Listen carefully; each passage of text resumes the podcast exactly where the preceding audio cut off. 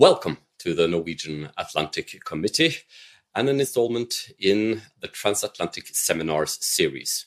Today, we will be discussing one of the great issues of today. We will be discussing the future of NATO, the purpose of American power, and security politics after Afghanistan. And with me here today, I have two of the truly great minds of contemporary political science. We have Professor John J. Mearsheimer from the University of Chicago and Jonathan uh, Wertheim from the Carnegie Endowment for Peace. And the title for today's seminar is The Return of Great Power Politics America in the 21st Century.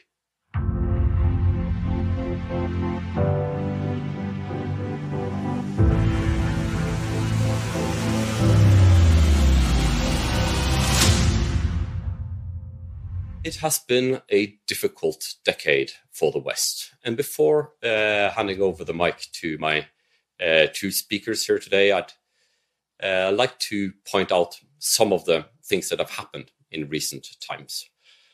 Perhaps the most troubling development we have seen is a rapid fall in democracy around the world. According to the, the uh, Economist Democracy Index, only 8.3% of the world's population are today, today living in full fledged democracies.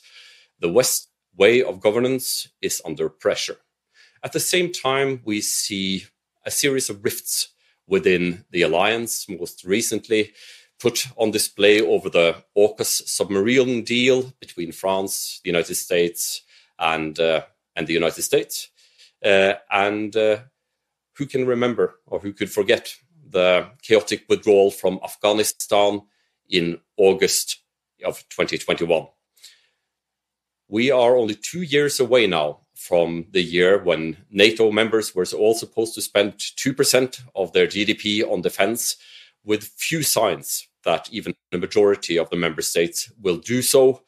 And at the same time, United States politics has been well, difficult to understand uh, for those of us looking from abroad. The storming of the Capitol building uh, seems to herald a dissolvement or dissolution of the agreement uh, between the two main parties regarding the purpose of American power. We find ourselves in early February 2022, and I would like to invite you, Professor John Mearsheimer, to give some introductory remarks on the grand topic for today. It's a great pleasure to be here uh, today and uh, talking about this important subject. What I'd like to do is I'd like to talk about American grand strategy today uh, at a very general level. And then I'd lo- like to talk about specifically how it applies to Europe. Now, let me start by talking about some of the key features of the wider world that the United States operates in. And here I think there are two points of great importance that I would like to emphasize. The first point is that we today operate in a multipolar world. We have left behind the unipolar world. When I was born in December of 1947, the United States operated in a bipolar world. There were two great powers, the United States and the Soviet Union. Then, when the Cold War ended, we went from bipolarity to unipolarity. The United States was by far the most powerful state on the planet, and that unipolar world existed from roughly 1990 uh, to 2017. In about 2017, we were clearly moving out of unipolarity into multipolarity. And it's very important when you think about American grand strategy today to understand that it was very different from American grand strategy in the unipolar world. Almost everybody in the audience grew up in the unipolar world. You want to understand that world is gone. We're now in a multipolar world, and the United States is going to behave differently in that multipolar world than it did in the unipolar world. And in that multipolar world, there are three great powers. Obviously, the United States, China, and Russia. And of those three great powers, the United States is by far the most powerful, and China is, at this point in time, a peer competitor of the United States. Russia, on the other hand, is the weakest of those three great powers. But nevertheless, those three great powers comprise the multipolar system that we're now in, that is very different from the unipolar system that you all knew for many years. Now, the second point I want to make about the strategic environment, the broader strategic environment, is that over the course of American history, Europe has been the most important area of the world for the United States. Even though the Japanese attacked the United States at Pearl Harbor, Europe was the most important theater of the war from December 7, 1941, until the war was concluded in August 1945. Europe mattered more than Asia did. When I was young during the Cold War, we used to say there were three areas of the world outside of the United States that were worth fighting and dying for. Uh, one, and most importantly, was Europe. Two was Northeast Asia. And number three was the Persian Gulf. Well, for the first time in American history, Europe is no longer the most important area of the world for the United States. Indeed, East Asia is today the most important area of the world because, of course, that's where China is located. The Persian Gulf is the second most important area of the world for the United States because that's where oil is. And the Chinese are deeply interested in the Persian Gulf because they get roughly 25% of their oil from the Gulf. So East Asia is number one, the Persian Gulf is number two, and Europe, which again has historically been the most important area for the United States, is the third most important area. And it is a distant third.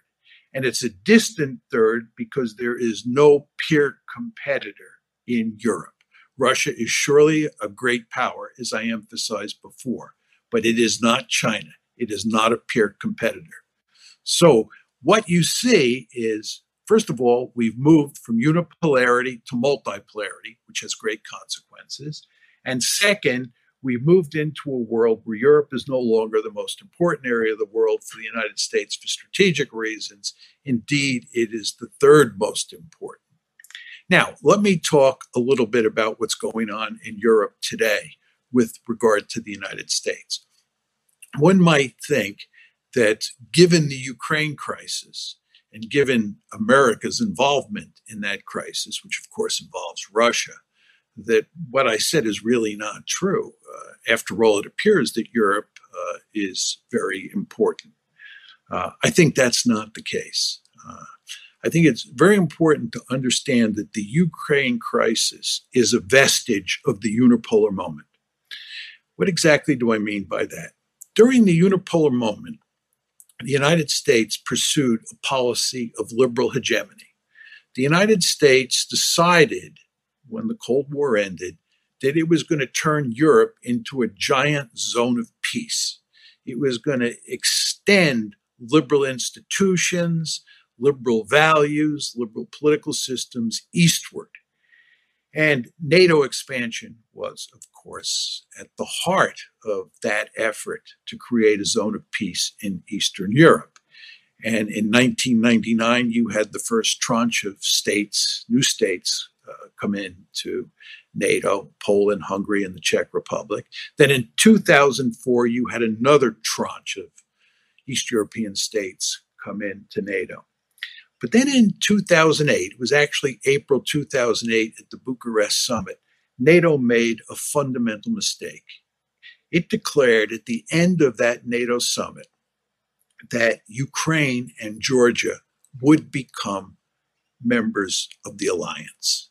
The Russians made it unequivocally clear at that point in time that that was not going to happen. They drew a red line in the sand. They said that Ukraine and Georgia are not becoming part of NATO. And as you all know, in August of 2008, no accident, you had a war over Georgia. And in February of 2014, a major crisis broke out over Ukraine, which eventuated in a war between Russia and Ukraine, and Russia taking the Crimean Peninsula from Ukraine. That crisis continues to this day, and indeed, it is heated up in recent times. So, the point that I'm trying to convey to you here is that this is not a new crisis. This is an old crisis that is a vestige of the foolish policies that the United States and its West European allies pursued during the Cold War. Now, I want to make it clear that this crisis is a disastrous crisis. It's a disastrous crisis for a lot of reasons. First of all, there's no solution to it.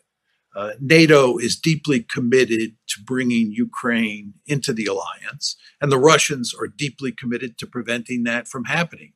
And how you satisfy both sides uh, with regard to that issue is hard to understand. Uh, I can't fathom how we do it. Uh, so I don't see uh, a solution to it. Furthermore, it's a disaster from an American point of view because Russia is not a threat to the United States. It's just not a serious threat. The United States does face one serious threat. It has a peer competitor in China, not Russia.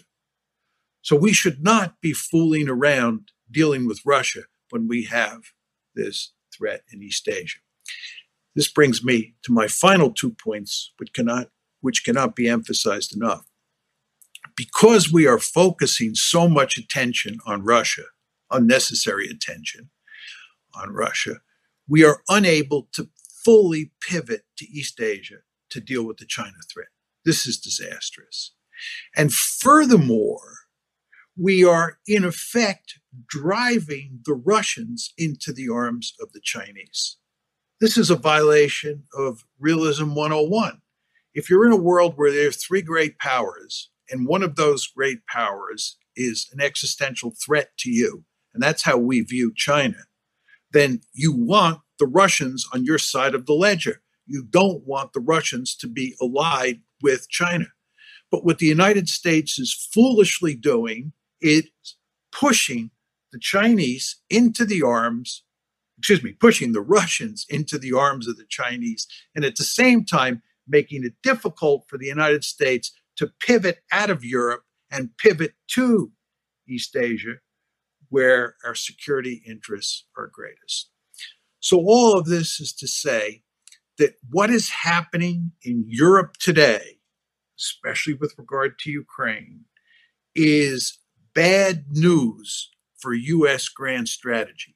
In fact, the United States should be pulling its forces out of Europe and focusing on East Asia, not making a bad situation with Ukraine worse. Thank you. We have been discussing these issues for for some years now since I first reached out to you as a young fledgling PhD student. And uh, I think your argument come, comes across succinctly and, and easy to understand. The game has changed. The polarity of the international system has changed. And it's only to be expected that the world should be played differently. We also have with us Stephen Wertheim, who I have been admiring and following for many years, ever since he was a PhD student. He has written a, a best selling book called And Tomorrow the World. And Stephen, if you will, could you give us some uh, your perspectives on the grand topic of great power politics and America in the 21st century? Well, thank you. It's truly an honor for me to speak uh, to the Norwegian Atlantic Committee, and I'm grateful to you, Asle, for the invitation and also delighted to be in dialogue with John, from whom I have learned an enormous amount and no doubt uh, will learn even more over the course of our discussion today. So let me get right to the standoff that Russia has initiated with the with the West. The likely outcome of the crisis, as I see it, will be a more militarized Eastern Europe and a hardened division between Russia and the West economically and otherwise.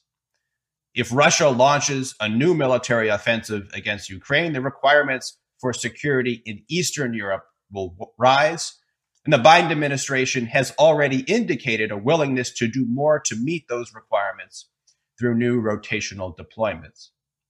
Even if Russia were to de escalate in Ukraine, a similar outcome could still occur. The Eastern members of NATO could seek reinforcement, and the United States could well provide it. Now, the main argument I want to make today is that the likely outcome of the crisis, a more intensive U.S. security commitment in Europe, would be an extremely negative development for American grand strategy. It would be so negative that we should have serious doubts about whether a US led NATO alliance could be sustained over the medium to long term. And that should make us want to look now for a different European security architecture that could be more durable and effective. Now, I believe this is so for three reasons. First, for the United States, the costs and risks of acting as Europe's leading security provider would only increase in the face of a resurgent Russia that had just committed or at least threatened a spectacular act of territorial aggression against such a significant country as Ukraine, with a population of 44 million people. This would thrust the United States into a new position in Europe. After the Cold War, the United States took the lead in European security affairs, in part because the costs and risks of doing so were low, at least for the foreseeable future. And the foreseeable future tends to be all that concerns politicians. Now we're about to enter a new phase in which the United States will face a greater chance that its security commitments in Eastern Europe will come due. And this after American presidents have spent the last decade urging European allies to share the burden of European defense. The U.S. Army might be happy to receive a new mission to succeed its nation building efforts in the greater Middle East, but most everyone else in Washington will see America's overall strategic challenge get worse, as John has said. Indeed, the second problem is that the United States would face increased demands in Europe precisely as it is attempting to shift its priority to Asia. Almost as soon as the phrase great power competition came out of the Pentagon in 2018, a clearer consensus formed that China constitutes a much more significant competitor than Russia does. Today, the way to demand resources in DC is to attach it to the China threat. And right now, we see that effort taking crude form in prominent warnings that if Russia is permitted to further invade Ukraine, China will be emboldened to move on Taiwan. In my view, the two situations, in fact, have little connection. But the specter of simultaneous conflicts speaks to an appropriate concern. Can the United States really be prepared to wage two wars against two great powers, China and Russia. It's now clear which one the United States would prioritize if push came to shove. Third, there's another competitor for resources besides Asia and Europe, and that is the American public. We simply don't know what will happen if and when an external event caused the American people and their representatives to believe that US foreign policy is crowding out domestic investments, or what would happen if the United States confronted the actual prospect of fighting a great power war in either Europe or Asia. Now, one might be forgiven for thinking that we've seen eight decades worth of evidence that the United States is highly committed to exercising global leadership through military superiority. And that's true. But it was in particular international contexts that the United States developed a political consensus around global leadership. First, in World War II and the Cold War, the United States abandoned its tradition of non entanglement because American leaders perceived an unprecedented threat from the Axis alliance and then from Soviet backed communism. They wanted to stop totalitarian powers from conquering their way to dominance across Eurasia. That is, the threat involved the physical control of vast and productive regions, and control not just by authoritarian, but also by totalitarian regimes which by controlling those regions would effectively close them off to liberal American style interaction and influence, hence the problem to the United States.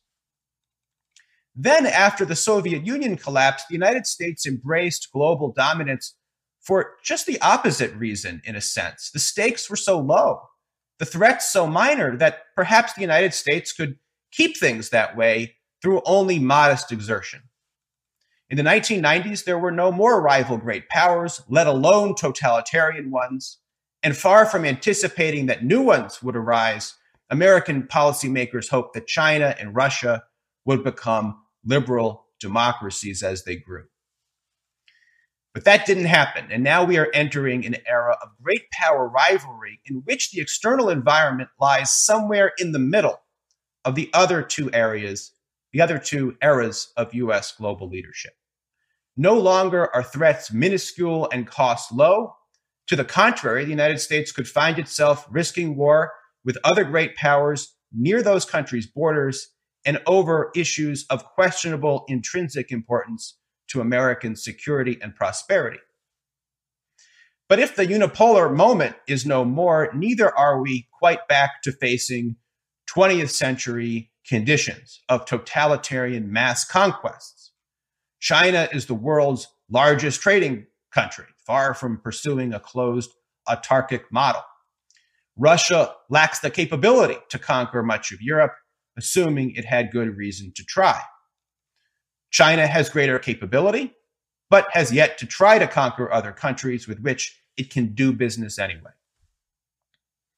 Meanwhile, climate change looms as perhaps a greater threat to the American people where they live and work than the conventional military threats from China or any other nation state.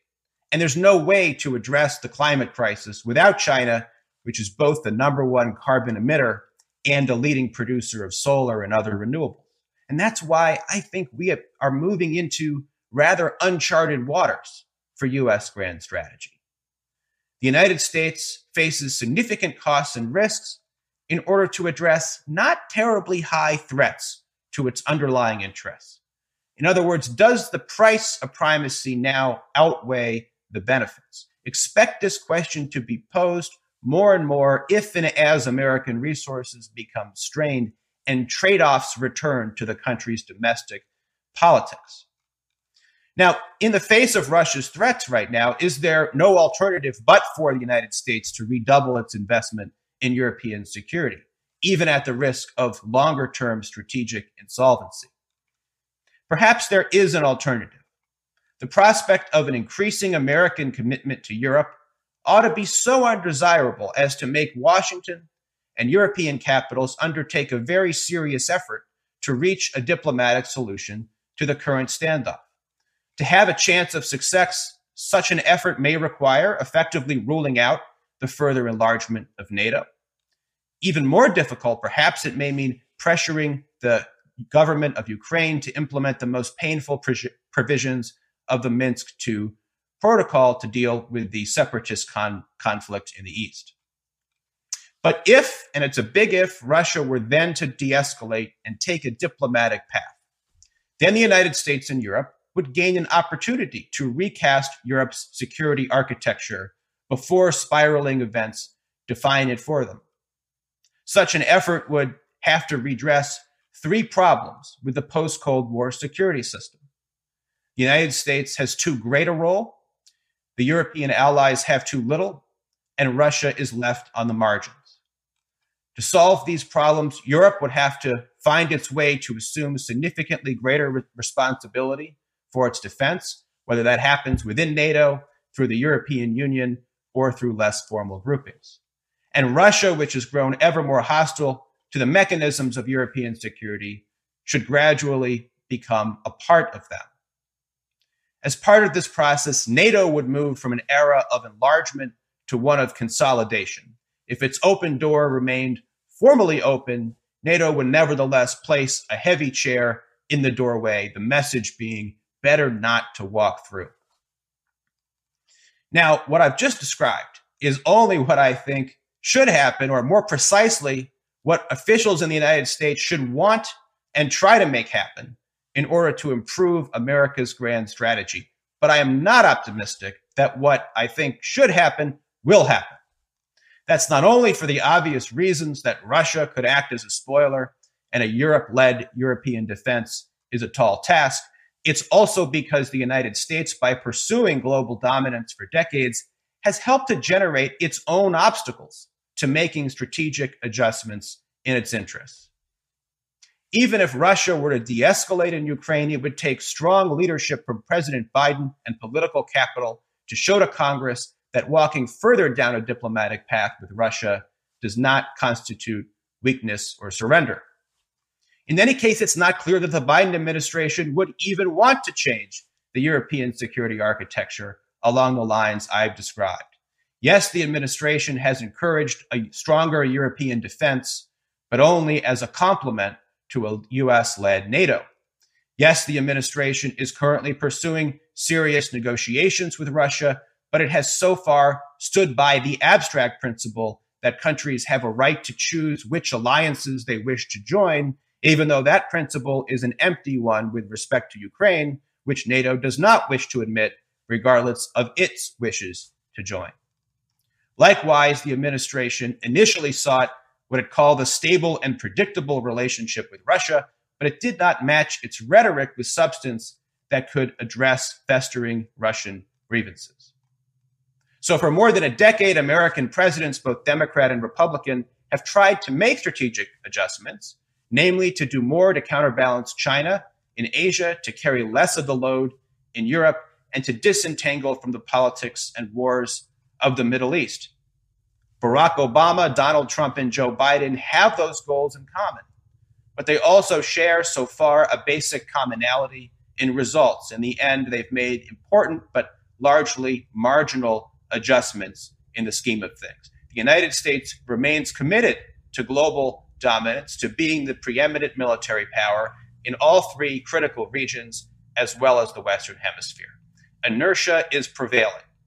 But I wonder, and America's allies should wonder, how long inertia can last, especially when the forces resisting it appear only to be mounting. So I will leave my opening remarks there. Thank you very much, and over to you, Aslan thank you so much. Uh, that this was uh, was very very interesting. It's interesting to see uh, that uh, Professor Mearsheimer, uh, being a pioneer of uh, one of the great American intellectual traditions, that being realism and being synonymous with the tradition of offensive realism, and also Dr. Wertheim, who is an historian and comes out of what I see as a, as a the liberal historical tradition in the United States, see very many of the same solutions and answers to the current query. Uh, America should focus on number one. America should focus on the real threat, the i.e., China, and that Russia is an issue that should be resolved with other means than uh, than those military, for the reason that the United States uh, should avoid being distracted in its in its main uh, uh, in its main endeavor. At the same time, there seems to be a little bit of a discrepancy between our two speakers, with Dr. Wertheim arguing that, um, at least in his book, that an overly muscular and militarily led foreign policy uh, creates unnecessarily much blowback uh, towards American interests, and Professor Mearsheimer, who argues that America needs to uh, to negotiate and to deal with China from a position of strength, and diverting its resources to uh, Ukraine is only weakening uh, the America's hand. But there are issues here that I think is is more troubling.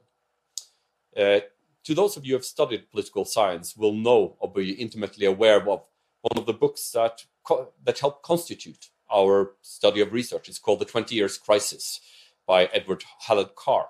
And he points to the most perilous moments in international po- uh, politics occurring at exactly the moment that Dr. Wertheimer outlined the moment when the hegemony, hegemon finds that the price of primacy uh, is becoming more expensive than the perceived benefits of being uh, the primary power.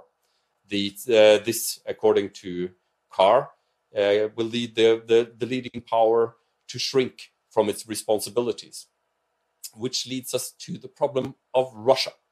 Because I think most will agree with what you have both said about the position and role of Russia in contemporary foreign politics. It's solely determined on the strength of arms. The Russian economy is not big enough uh, to support really the ambition uh, by white knuckles to a great power position that they don't that their resources don't really warrant.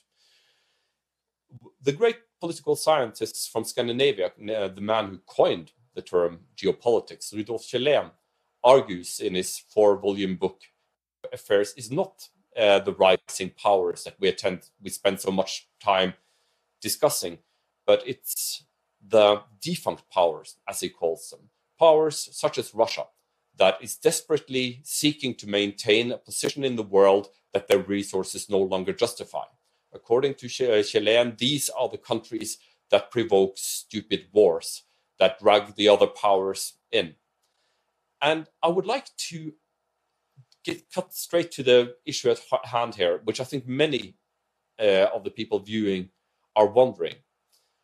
What is Russia trying to get out of this? Because their actions is quite clearly in contradiction with the UN covenant, and it's very difficult to see how NATO could, even if NATO would be so dispersed, could issue this this sort of uh, declarations and promises that uh, that Russia is looking for.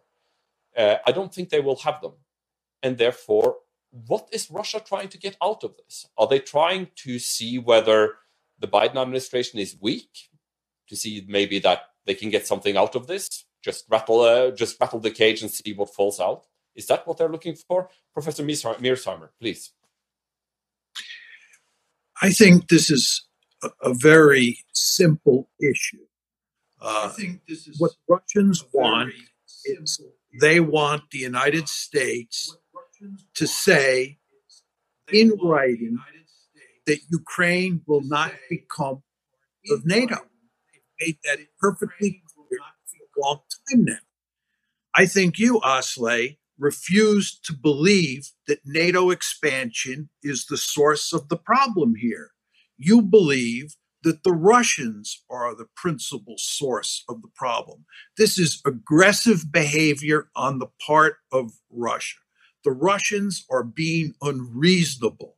And it's poor little NATO and the poor little United States that has to figure out some way to deal with this highly aggressive Russian bear. That is not my interpretation of what's going on. And I think all the evidence supports my point of view. The Russians have made it clear, as I said in my formal presentation, since April 2008, that Ukraine is not going to become part of NATO. They view that as an existential threat, just like the United States has a Monroe Doctrine, which says that no distant great power can put military forces in the Western Hemisphere. The Russians are saying you can't move an alliance, which was a mortal foe of the Soviet Union, right up to our border. And we, on the other hand, refuse to accept that line of argument. And we continue to exist insist that Ukraine will become part of NATO. And as long as we continue to insist that, the Russians are going to push back. And by the way, in the process, they're going to wreck Ukraine as a functioning country. And furthermore, they're going to cause huge schisms over time inside NATO because increasing numbers of people are going to come to realize that the Russian position is a reasonable position. Well, but Professor Mearsheimer, I, I have to say, first of all, in 2008, at the Bucharest Bush administration, for, mem- uh, for uh, the beginning of a membership application process for Ukraine and Georgia, this was blocked by European NATO members and it was reduced to the so called MAP status. Since then, Russia has been given informal insurances by the United States that no NATO enlargement towards Ukraine is is in the offing. and uh, and this has been confirmed by a number of NATO states. There is no desire for a Ukraine membership. Since then, as you pointed out in your presentation in 2014, Russia invaded and annexed a part of Ukraine, Crimea, and destabilized permanently Donetsk and Luhansk, two large regions of, uh, of Ukraine. In contradiction with international law, this is not how we resolve issues. So, how can you say that this is entirely on NATO? I, it would seem that that NATO, with its with its frankly pitiful military frontline defenses, can't really play the role that you're assigning to them. Well, I, I would make a number of points. First of all, NATO has never said that Ukraine will not become part of NATO. The declaration that was made after the Bucharest summit remains in place. And if you want to solve this problem, take that declaration off the table. Second, you are absolutely correct that the Europeans, the Germans and the French in particular, were opposed to any movement at Bucharest to bringing Ukraine into NATO because the Europeans understood full well what the consequences would be. And what we're now seeing are those consequences. If the Europeans had prevailed instead of the foolish Americans, we wouldn't be in the mess we're in today. But of course, what's happened over time is the Americans have coerced the West Europeans into agreeing with them that the Russians are the bad guys and NATO is the good guys. With regard to what happened in 2014, as you surely know, the United States helped foster a coup in Ukraine that brought into power a pro American leader and overthrew in Ukraine a pro Russian leader. This scared the Russians greatly because it's not just NATO expansion that worries the Russians, it's also EU expansion and it's also the color revolutions, the movement to turn Ukraine into a pro American liberal democracy, and then ultimately spread that color revolution into Russia. This scared the Russians, as it would scare any country that was in a situation like this. Basically, what's going on here is that American policy is to turn Ukraine into a Western bulwark on Russia's borders. This is not acceptable to the Russians. The fact that people in the West have such difficulty understanding this boggles my mind. It's just common sense. All you have to do is look at how the United States has behaved over time with regard to the Monroe Doctrine to understand that the Russians are not going to tolerate Ukraine becoming a part of NATO. But your argument seems to be premised on the United States not having the faintest idea about Ukraine. Ukraine is not uh, it's not a fully Western country. It's it's uh, in the it's in the middle uh, between uh, between a, a a Russian reality and a Western reality, and this differs greatly from various parts of the country. The idea that that that Ukraine could become a, a card carrying member of the West is is madness. Uh, I've been to the country a great many times. It is madness, but American foreign policy has been basically madness since the end of the Cold War. Steve and I basically agree on that point. The fact is, as you point out, from 1991 to 2013, Ukraine was basically a neutral state, caught between NATO on one side and Russia on the other. But our goal was to change that situation. Our goal was to integrate Ukraine into the West in the same way we attempted to integrate Poland, the Czech Republic, and all sorts of other Eastern European countries into the West. This is what liberal hegemony was all about in the unipolar moment. And that's why I said in my formal presentation that what you see happening today is a vestige of the unipolar moment. The United States, when it expanded eastward with NATO expansion and pushing EU expansion and the color revolutions, did not do that because it saw Russia as a threat. Until February 2014, we did not see Russia as a threat.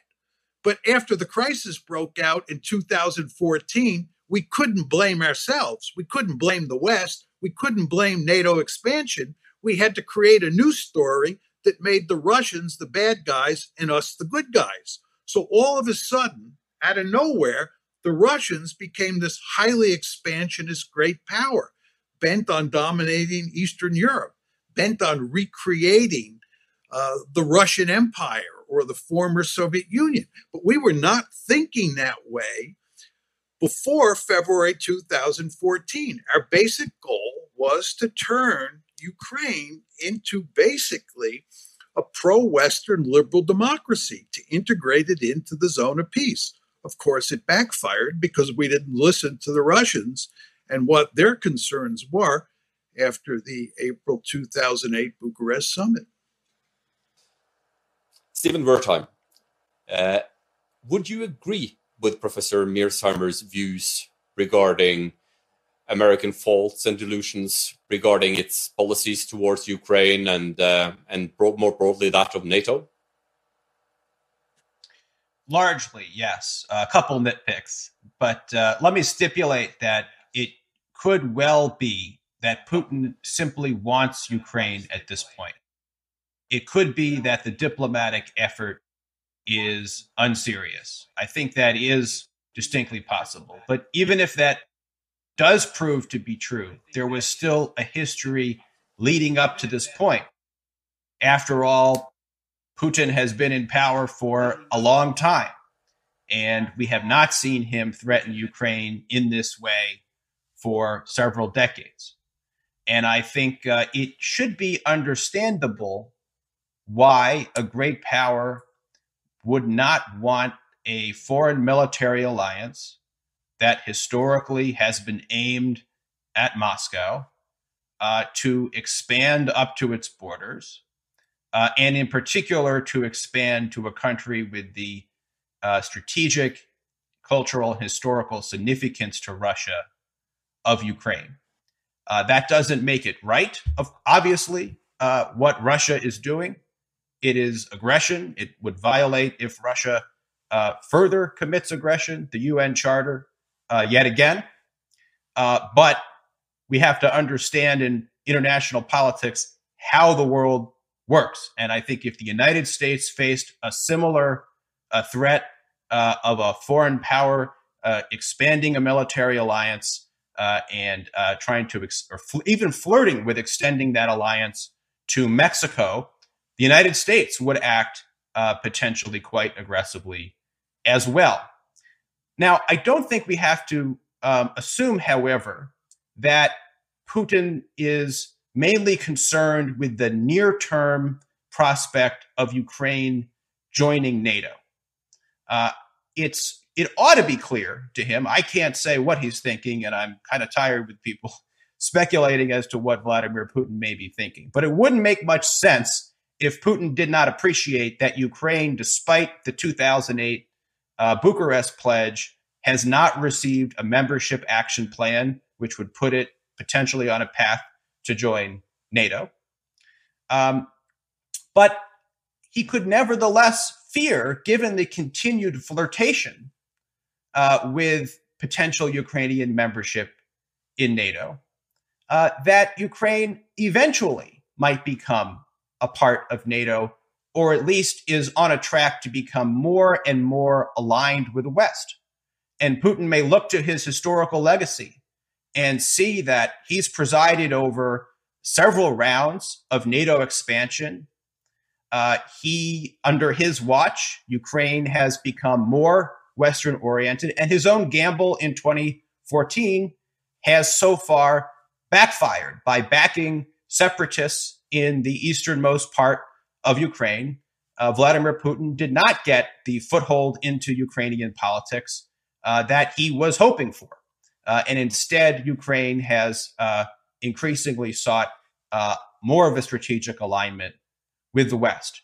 Uh, so I think we should be able to understand this, even if I can't say that this is exactly what Vladimir Putin might be after in in this particular instance. Now, also you asked about whether NATO could provide clarity about this matter.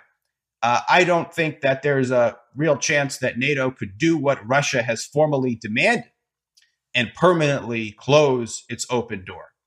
But NATO members could try to meet Russia halfway and make clear what is actually the case, which is that they do not support Ukraine joining NATO for the foreseeable future. They uh, do not wish to extend a membership action plan to Ukraine.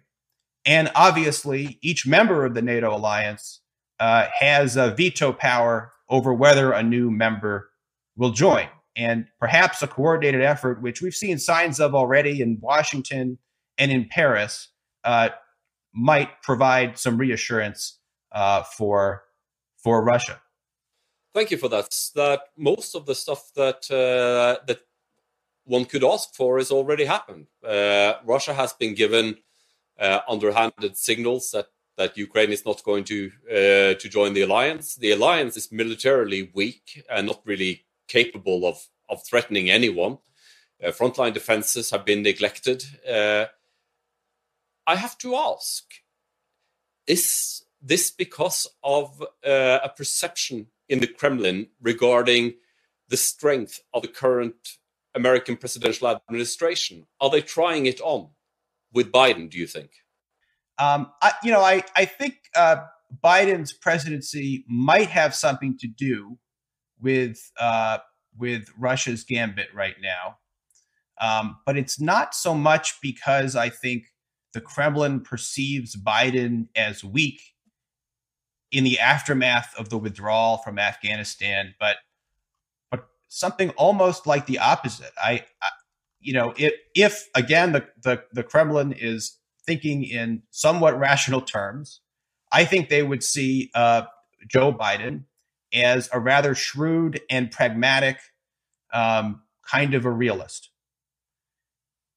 It should show that his willingness to withdraw from Afghanistan indicates that Biden is hoping to make strategic adjustments and refocus the United States on the biggest challenge, mean weakness, and hopefully, if I'm right about this, uh, the Kremlin would not assume that uh, Biden would uh, would uh, not wish to defend NATO allies that the United States is formally committed to defend.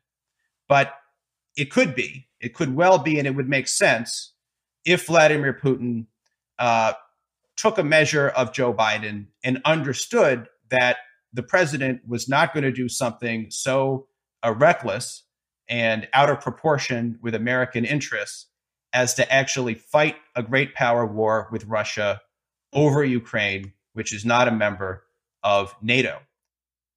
If that is if that was the calculation, I think that calculation would be correct. But this shouldn't be a, a kind of condemnation of, of Joe Biden. I think this is more of a condemnation of the expansionist American grand strategy that led us to the point uh, where the United States was uh, flirting uh, semi seriously uh, with NATO membership for Ukraine, which I think inevitably was going to cause uh, the, the kind of uh, confrontation that we're seeing now.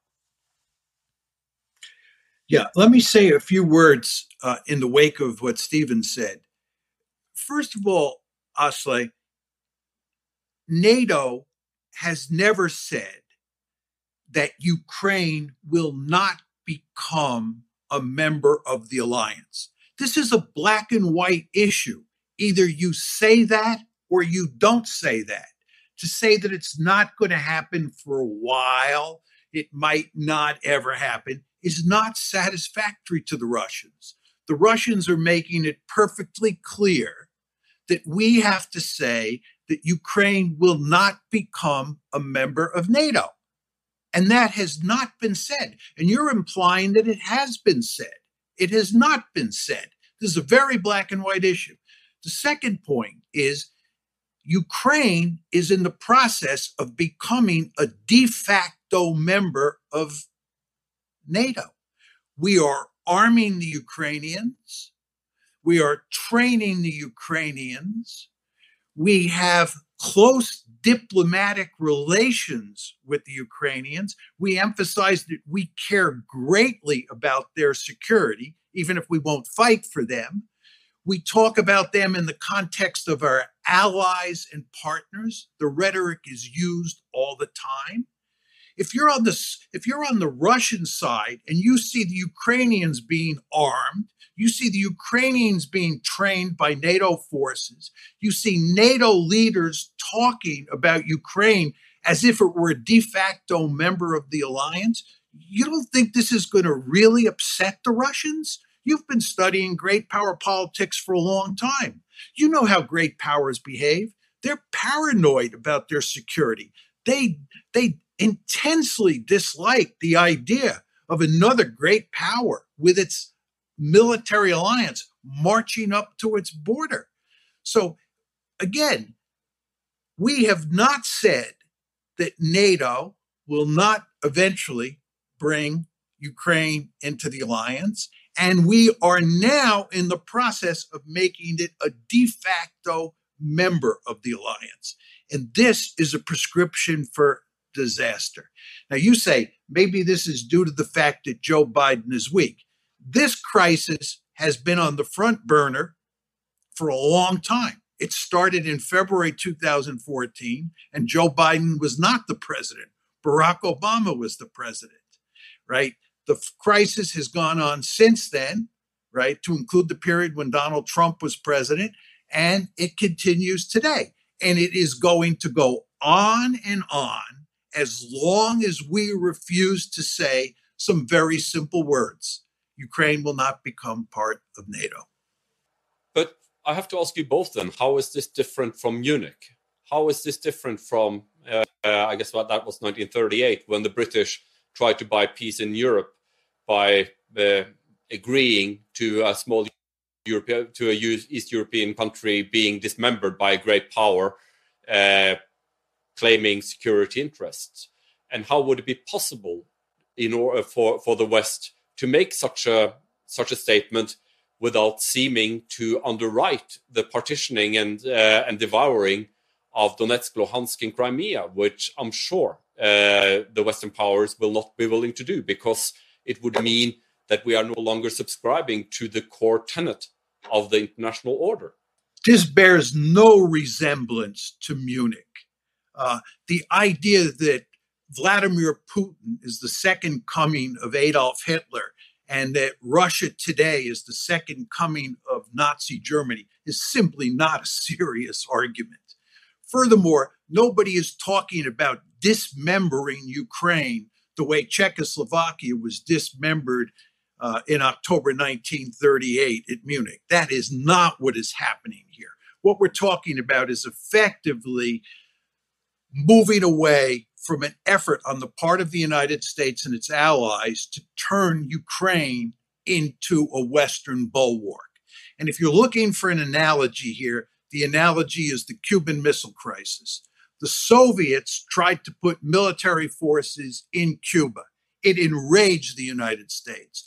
And if you look at our relations with Cuba today, we still have sanctions on Cuba. We still have our gun sights on Cuba. Why?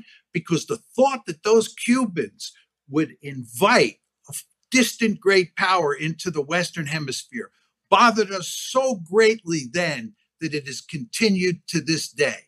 That's the basic situation that you have in Eastern Europe today. The Russians don't want Ukraine to become a member of NATO in the same way that the United States did not want Cuba to become an ally of the Soviet Union armed with nuclear tipped missiles from the Soviet Union. But this has no parallel whatsoever with Munich in 1938. Sure, and if I could just, do you uh, think that there are any parallels, or do you and do you uh, do you subscribe to the Cuban Missile Crisis analogy?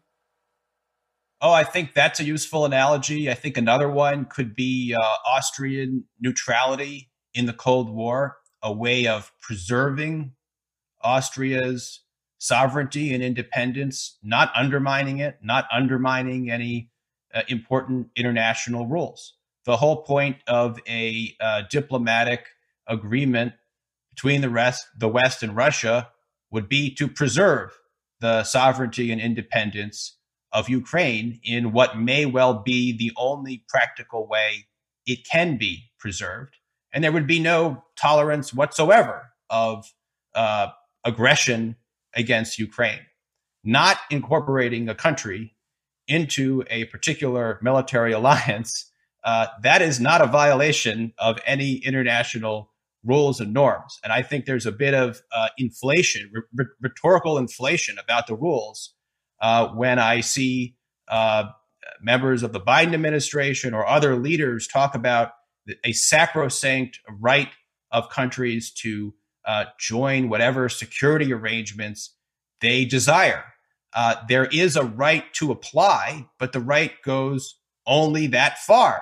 There is no obligation uh, by NATO to admit any other country. It would be absurd if that were to happen. NATO would collapse because a whole slew of countries would uh, seek to join. They would automatically be admitted, and no one would believe that the Article 5 guarantee would be credible. So this is obviously not a way to to uh, to run international politics. Uh, Professor Mearsheimer and uh, and Dr. Wertheim, from a European perspective, uh, I'm sure many of us have been wrong-footed by the depth and animosity of the emerging crisis over Ukraine, uh, but it plays into a, a different aspect that is difficult for us to comprehend and which I hope that you can help us shed some light on. And that is the current divisions in the United States over foreign policy. You see, in Europe, we have grown accustomed to the United States being a country where you can quarrel about pretty much anything, but you stand shoulder to shoulder over the broad tenets of American foreign policy. That is, does not seem to be the case anymore. So, can you please lay out uh, your views on what characterizes uh, the, the the the core camps, the big camps in terms of American foreign policy right now?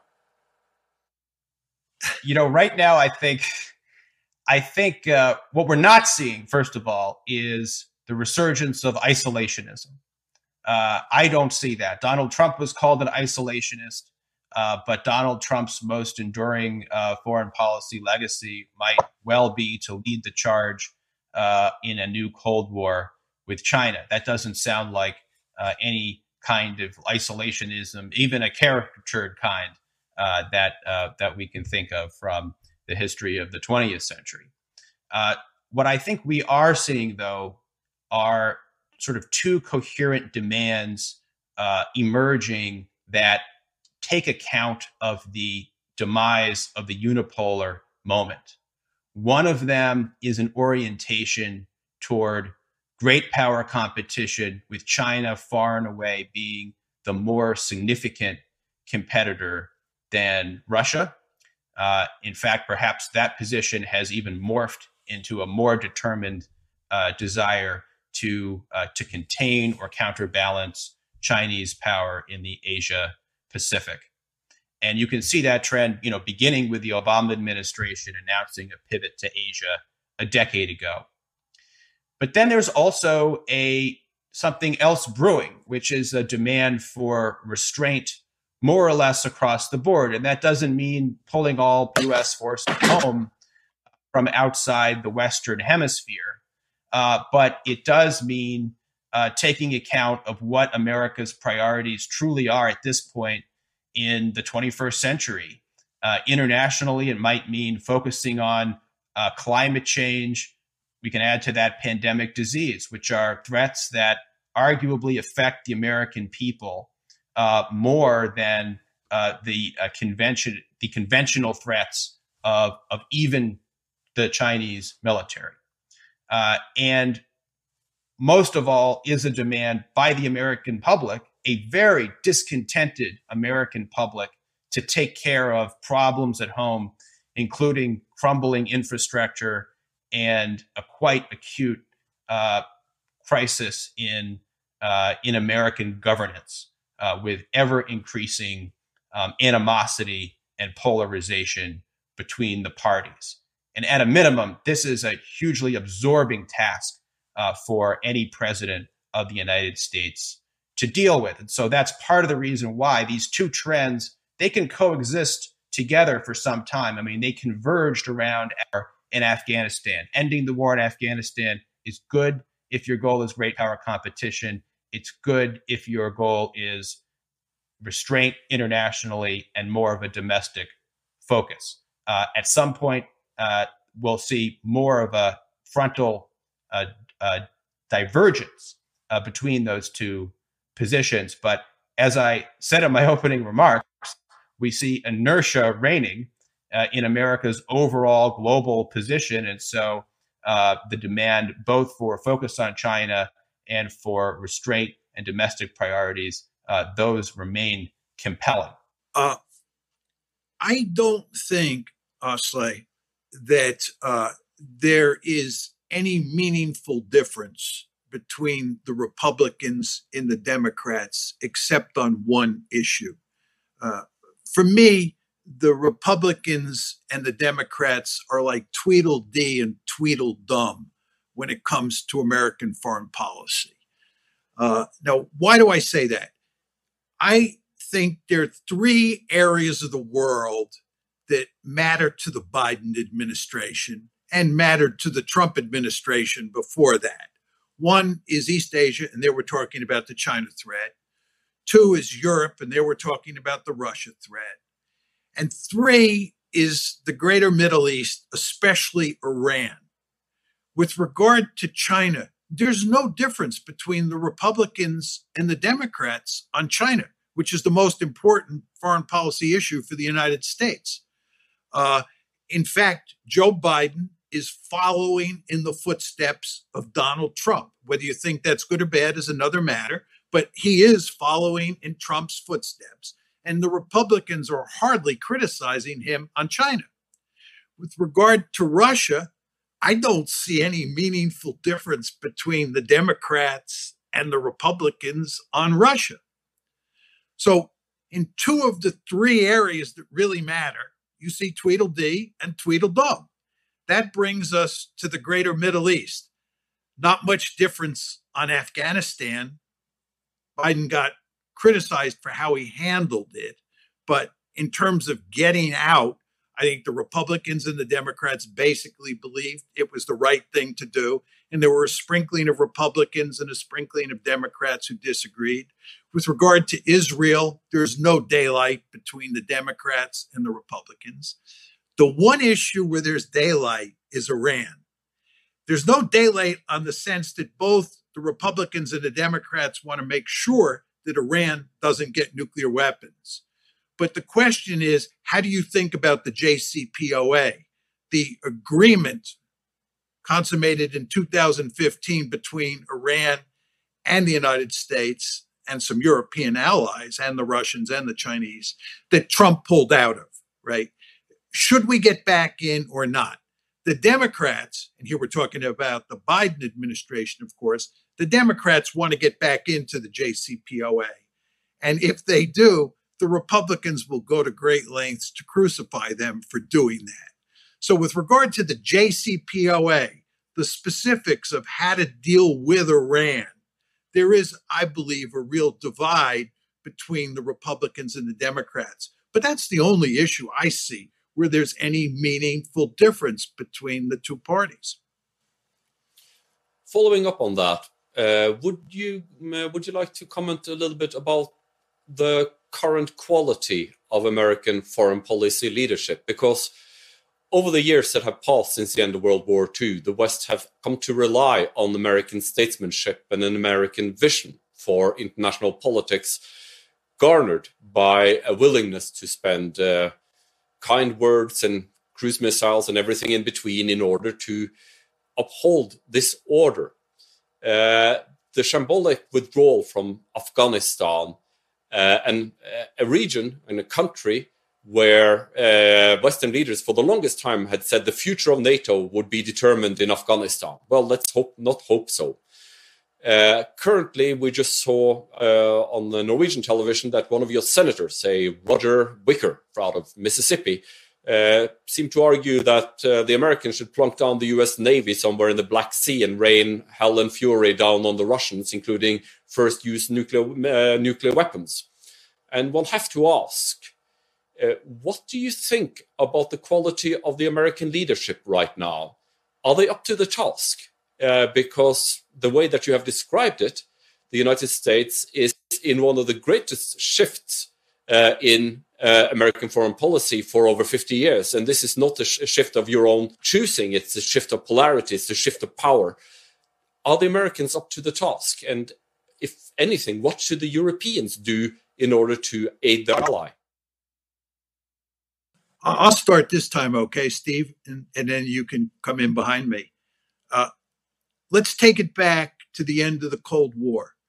Uh, I think that starting in the early 1990s up until 2017, American foreign policy was clearly bankrupt. And I think the best evidence of that was that Donald Trump, when he ran for president, defeated all of his Republican rivals by arguing that Republican foreign policy, especially under George W. Bush, had been bankrupt. And then in the general election, he ran against Hillary Clinton and he said American foreign policy, as it applied to Democratic leadership during the unipolar moment, had been bankrupt. Donald Trump won the election. He won the election in part by running on the platform that American foreign policy during the unipolar moment was bankrupt. That brings us to Donald Trump's tenure in the White House. I find it hard to believe that there would be many people in Europe who would argue that that was solid or sound leadership. I certainly wouldn't argue that. So that brings us to Joe Biden. If you look at what Joe Biden has done, right, since taking office, it doesn't look too promising. I believe that he has made a mess with regard to Russia and the Ukraine crisis. I'm sure that most Europeans disagree with that, but I think he's made a mess of this and we have no exit. And with regard to Iran, he promised to get right back into the JCPOA and he failed to do that.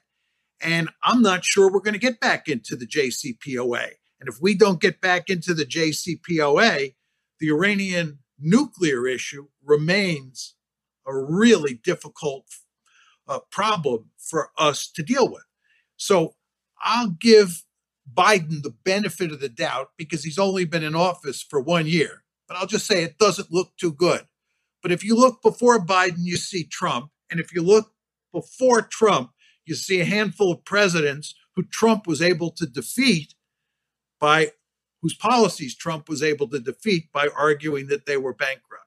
So American leadership does not look very good. But if you look at the Europeans, it seems to me they drank the Kool Aid and they bought into all of these crazy policies that the Americans were pursuing during the post Cold War period. The Europeans bought into NATO expansion. The Europeans went along with the Americans, even after protesting at Bucharest, with the idea that we should extend NATO's borders to include Ukraine and Georgia. So the Europeans are part of the problem. The Europeans hardly ever stand up to the United States. Even when you're talking to Europeans in private and they think that what the Americans are doing is foolish, they don't speak up to the Americans. They prefer to follow the Americans. The end result is we're in a whole heck of a lot of trouble in Eastern Europe today. But of course, we're blaming that on Vladimir Putin. We'd never blame it on ourselves. It can't be America's fault. It can't be NATO's fault because we're the good guys. We do everything right all the time. They're the bad guys. So I'll underscore the point, first of all. Don't overestimate the past competence of U.S. foreign policy. The United States had an easy hand to play coming out of the Cold War. It could make mistakes that weren't very costly, uh, for uh, Americans or for the overall uh, international order. The United States still made very costly mistakes uh, that did uh, damage, whether you're a liberal internationalist or or a realist. Uh, and so here we are. Um, now, with respect to the Afghanistan withdrawal, unfortunately, you don't get to lose a war uh, especially to the Taliban, and expect the result to look like you've won it, to look pleasant. That's not how things work. Uh, now, the Biden administration could have done uh, some things better, especially to uh, process special immigrant visas as soon as it had any idea that it might withdraw. But fundamentally, there was going to be no happy ending to a 20 year long war lost to the Taliban. Um, the lesson of Afghanistan, therefore, should not be that suddenly American leaders are incompetent, Biden doesn't know what he's doing, but rather that the two decades of his bi- bipartisan predecessors put him in this position, made big mistakes, and he faced a difficult but correct choice uh, to withdraw. But take a step back for a minute. It would be a risky thing for international peace and stability to stake everything on the competence and farsightedness of one country, one country's foreign policy elite, and one president. To me, that's the warning that Trump's presidency should bring to the fore. Uh, the United States set out to be the indispensable nation in the 1990s. Secretary of State Madeleine Albright claimed that the reason the United States was indispensable was that we see farther into the future than other countries do. I've always thought that good leadership was about making yourself as dispensable as possible so that other people can do things for themselves. Well, that is agreed, but uh, if I may, just for uh, for a moment here, take the Europeans' point of view uh, over the past 70 years, Europe has developed, let's call it a defense dependence culture. Uh, we have been trained to, uh, to look to the United States for geopolitical leadership.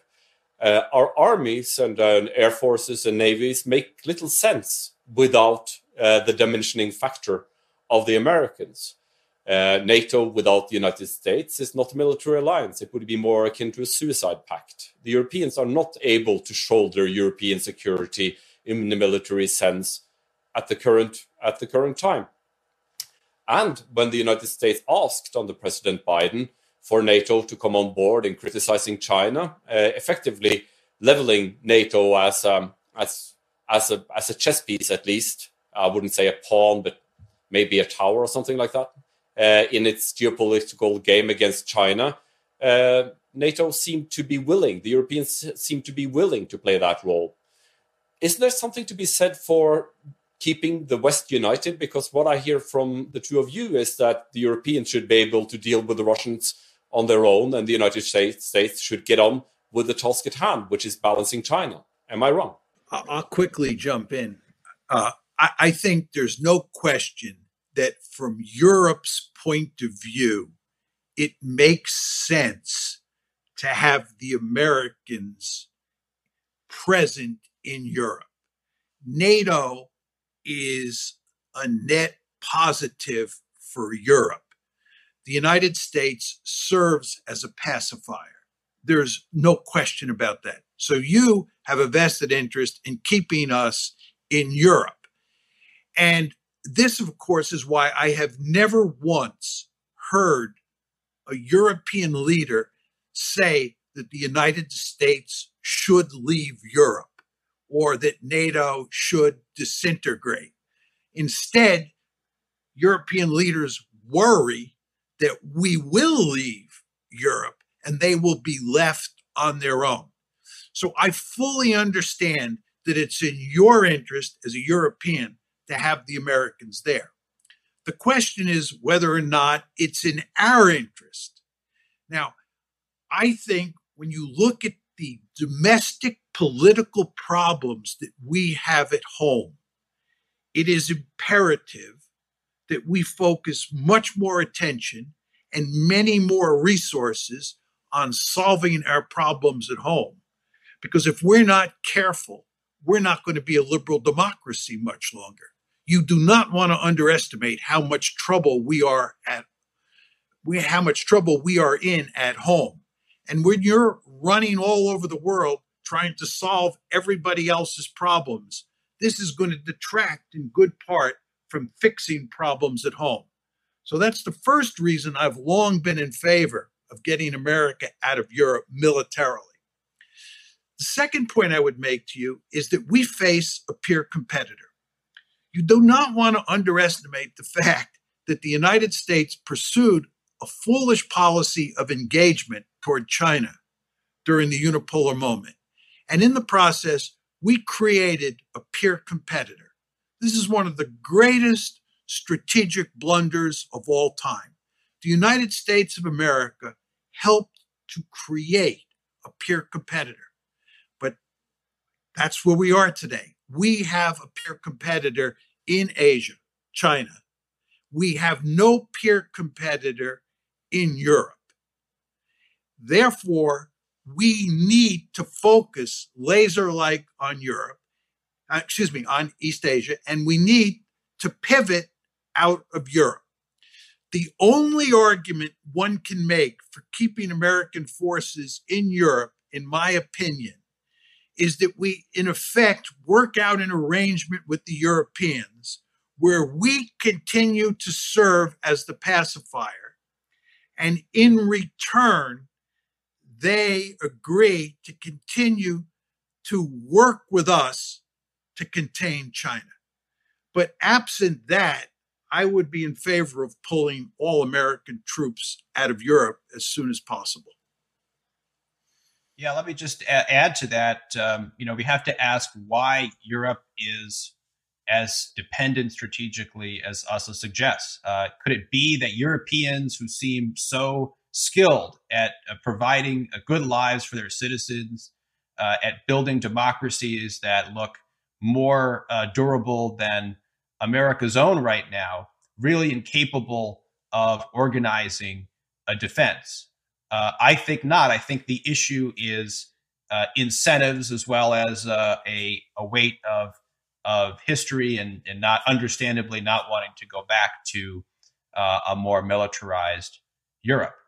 Uh, the United States continues to complain about burden sharing, uh, but then to do the thing that prevents burden sharing, which would be drawing down its forces in Europe and making the kind of strategic adjustments that John was talking about. In that respect, Donald Trump was simply a nastier version of the same, and basically every every administration uh, since the creation of NATO uh, has uh, sought to uh, have Europeans do more in defense, uh, but was unwilling to have the United States uh, take a serious step back from European defense. Um, and I know it could feel like the status quo has gone on forever.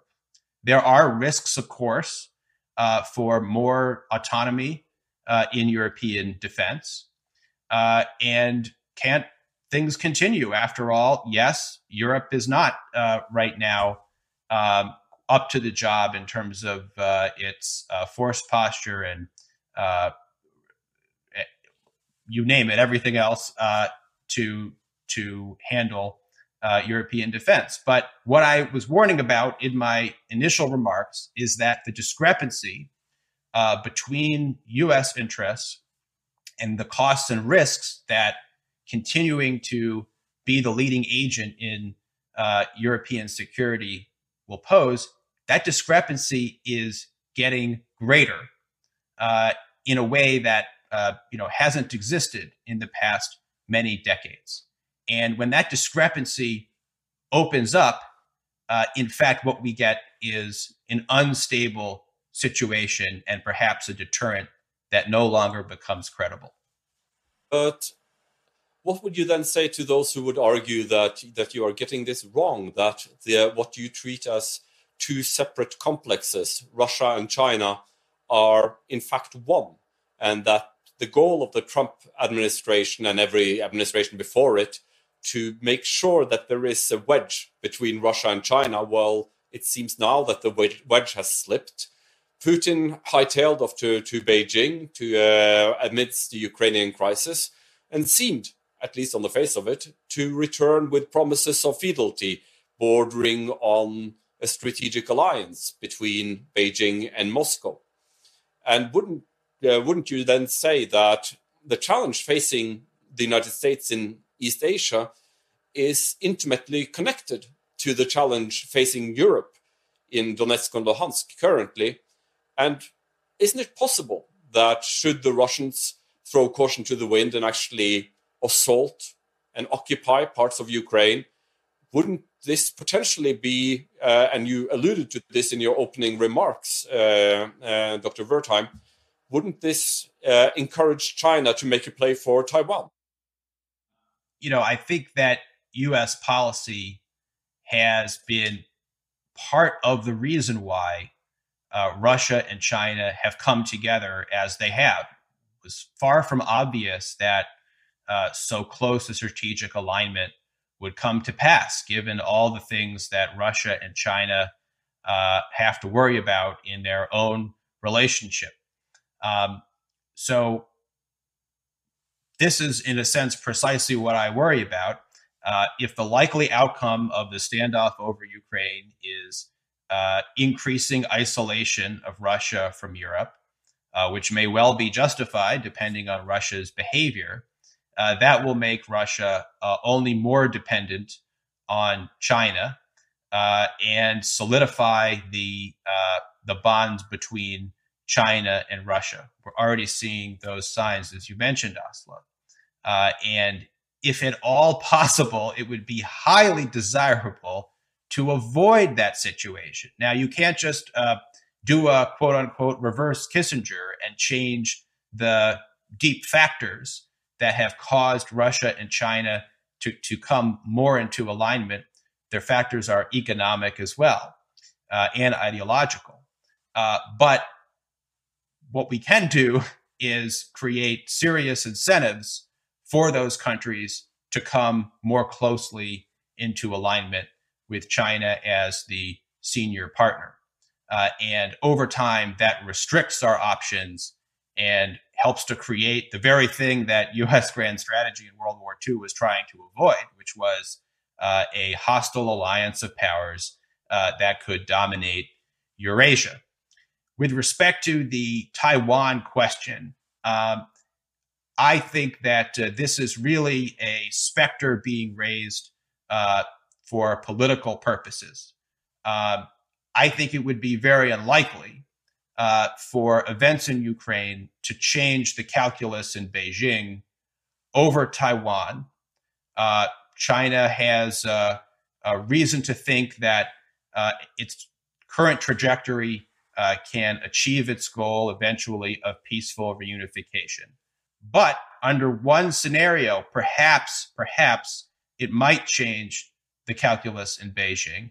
And that is if the United States uh, were to get seriously involved in a war with Russia in Ukraine. Uh, that would uh, tie up American resources and attention, providing a window of opportunity, perhaps, as Beijing might see it. And it would also signal something else. It would show that the United States uh, exceeded the bounds of its defense perimeter. That even though the United States had not, in fact, supported uh, Ukraine's membership in NATO in a serious way, as opposed to rhetoric, uh, that even though Ukraine had not previously uh, laid within the U.S. defense perimeter, the United States fought for it anyway. I think it's quite possible that if you're observing those events in Beijing, you become more concerned that, in fact, the United States will fight for Taiwan, even though the United States formally adheres to the one China policy and the principle of strategic ambiguity vis a vis its commitment to defend Taiwan. And therefore, you might fear it's now or never, and better to go now if the United States is actually involved in a war with Russia. I don't think that's going to happen, but if you're really concerned about China invading Taiwan in the near term, which I'm not terribly concerned about, you should be uh, more concerned with the United States getting heavily involved in Ukraine than the reverse. Let me make a couple points. Uh, Asle, you started by making the argument that Russia and China are inextricably linked in a geopolitical sense. And I think you're absolutely right. There's no question about that. And, and the Americans uh, think that way. But the point I made in my formal remarks, and I want to reiterate here, is that because of NATO expansion and because of our refusal to deal with that issue in a way that is satisfactory to the Russians, we are exacerbating the situation that the West has with Russia.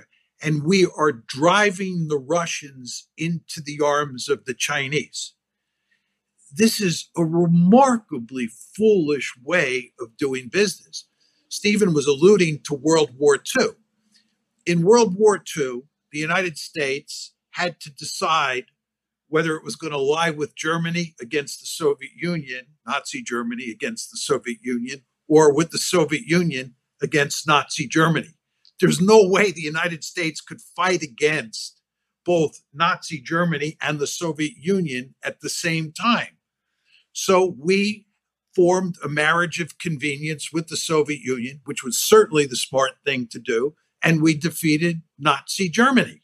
And it wasn't because we liked the Soviet Union, it was because the strategic imperatives of the situation said form an alliance with one of the two. And obviously, the one you wanted to ally with was the Soviet Union.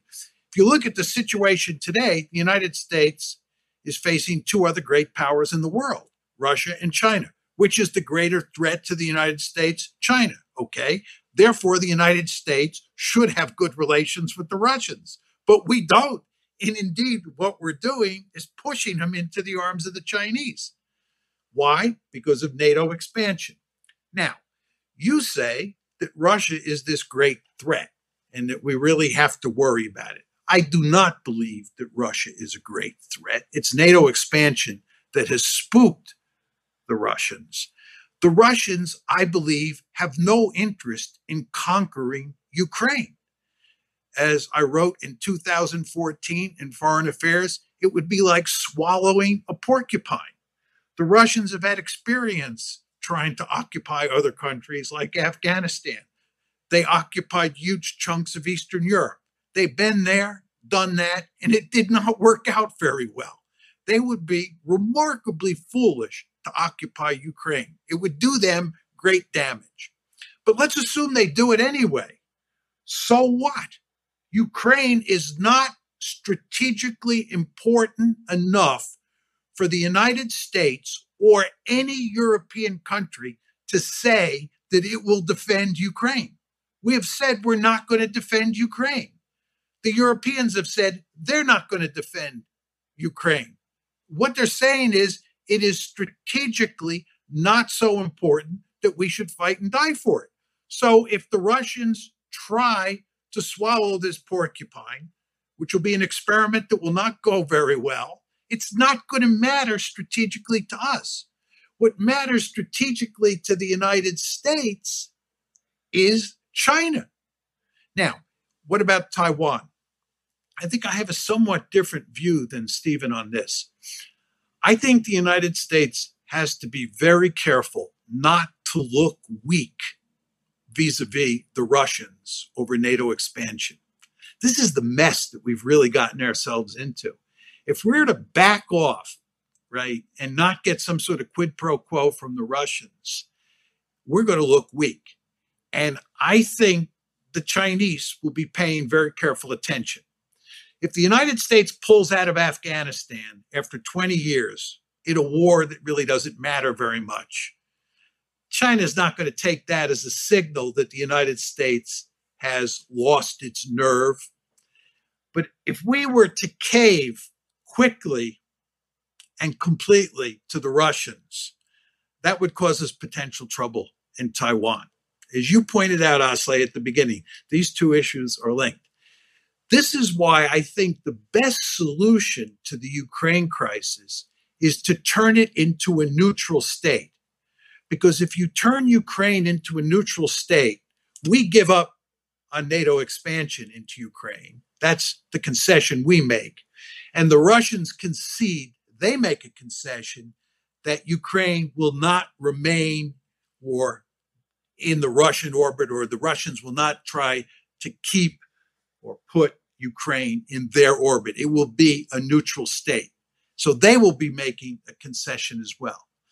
So I think we have to be really careful here how we handle this whole subject of Russia and NATO expansion into Ukraine, because I do think it has implications uh, for the U.S. commitment to Taiwan. Thank you, Professor Mearsheimer. I was uh, I was rereading one of the not so much read tracts of international politics, which is uh, the diaries of Goebbels, the Nazi propaganda minister. And one of the issues that he keeps returning to when he gets the losses that they suffer in Ukraine from partisan activities, and he has this comment where he says, "It would appear that a blow to the head is not always the best argument," or basically saying that the the worst they treated the civilian population, the the worst it got to, for the Germans, and uh, and it made them their situation untenable. And I I would agree with you that uh, that an attempt to occupy Ukraine probably would would be uh, a uh, a very painful endeavor for Russia. Uh, that being said, uh, the Russians do seem to have a doctrine that uh, if force hasn't achieved the objectives, you just haven't used enough force. They are willing to go much further than than we in the West are in that kind of similar situations. But I wanted to take a step to a little bit to the side here and, and ask you about the future of American power, because for the longest time as and I, and I, and I would like uh, to encourage the audience to read uh, both of your greatest hits. Uh, you know, for Professor Mearsheimer, you will never escape the shadow of the tragedy of great power politics, which has is on curricula all over the world. But also uh, Dr. Wertheim's and Tomorrow the World.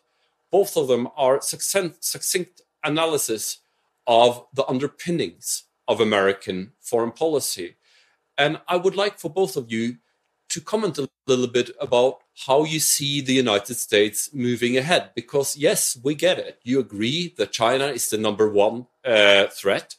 We get it. Uh, uh, Russia is a sideshow which should be should be put to rest, preferably not in a humili- humiliating manner. Yes, sure.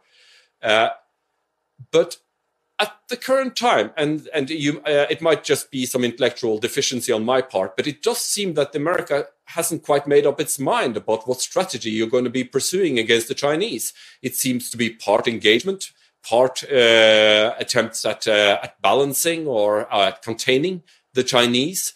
Uh, you seem to be in two minds about whether you want Russia as a de facto, de facto ally, or or whether you might would uh, will have to fight them on the steps of Ukraine where do we see America moving from here? This is a question of great interest for all the European allies who most of us have, uh, like Norway, been very loyal to the United States for a great many years. And we're a little bit concerned about where we fit in when it comes to the future of American geopolitics. You want me to start, Stephen, on this one? Okay, I'll, I'll go first, and Stephen can uh, come after me. Uh, my bottom line in tragedy of great power politics is that the principal the two principal goals for any great power are to number one be a regional hegemon to dominate your area of the world and number two to make sure that no other country dominates its region of the world and the United States from 1783, when it got its independence, up until roughly 1900, went to enormous lengths to become a hegemon in the Western Hemisphere.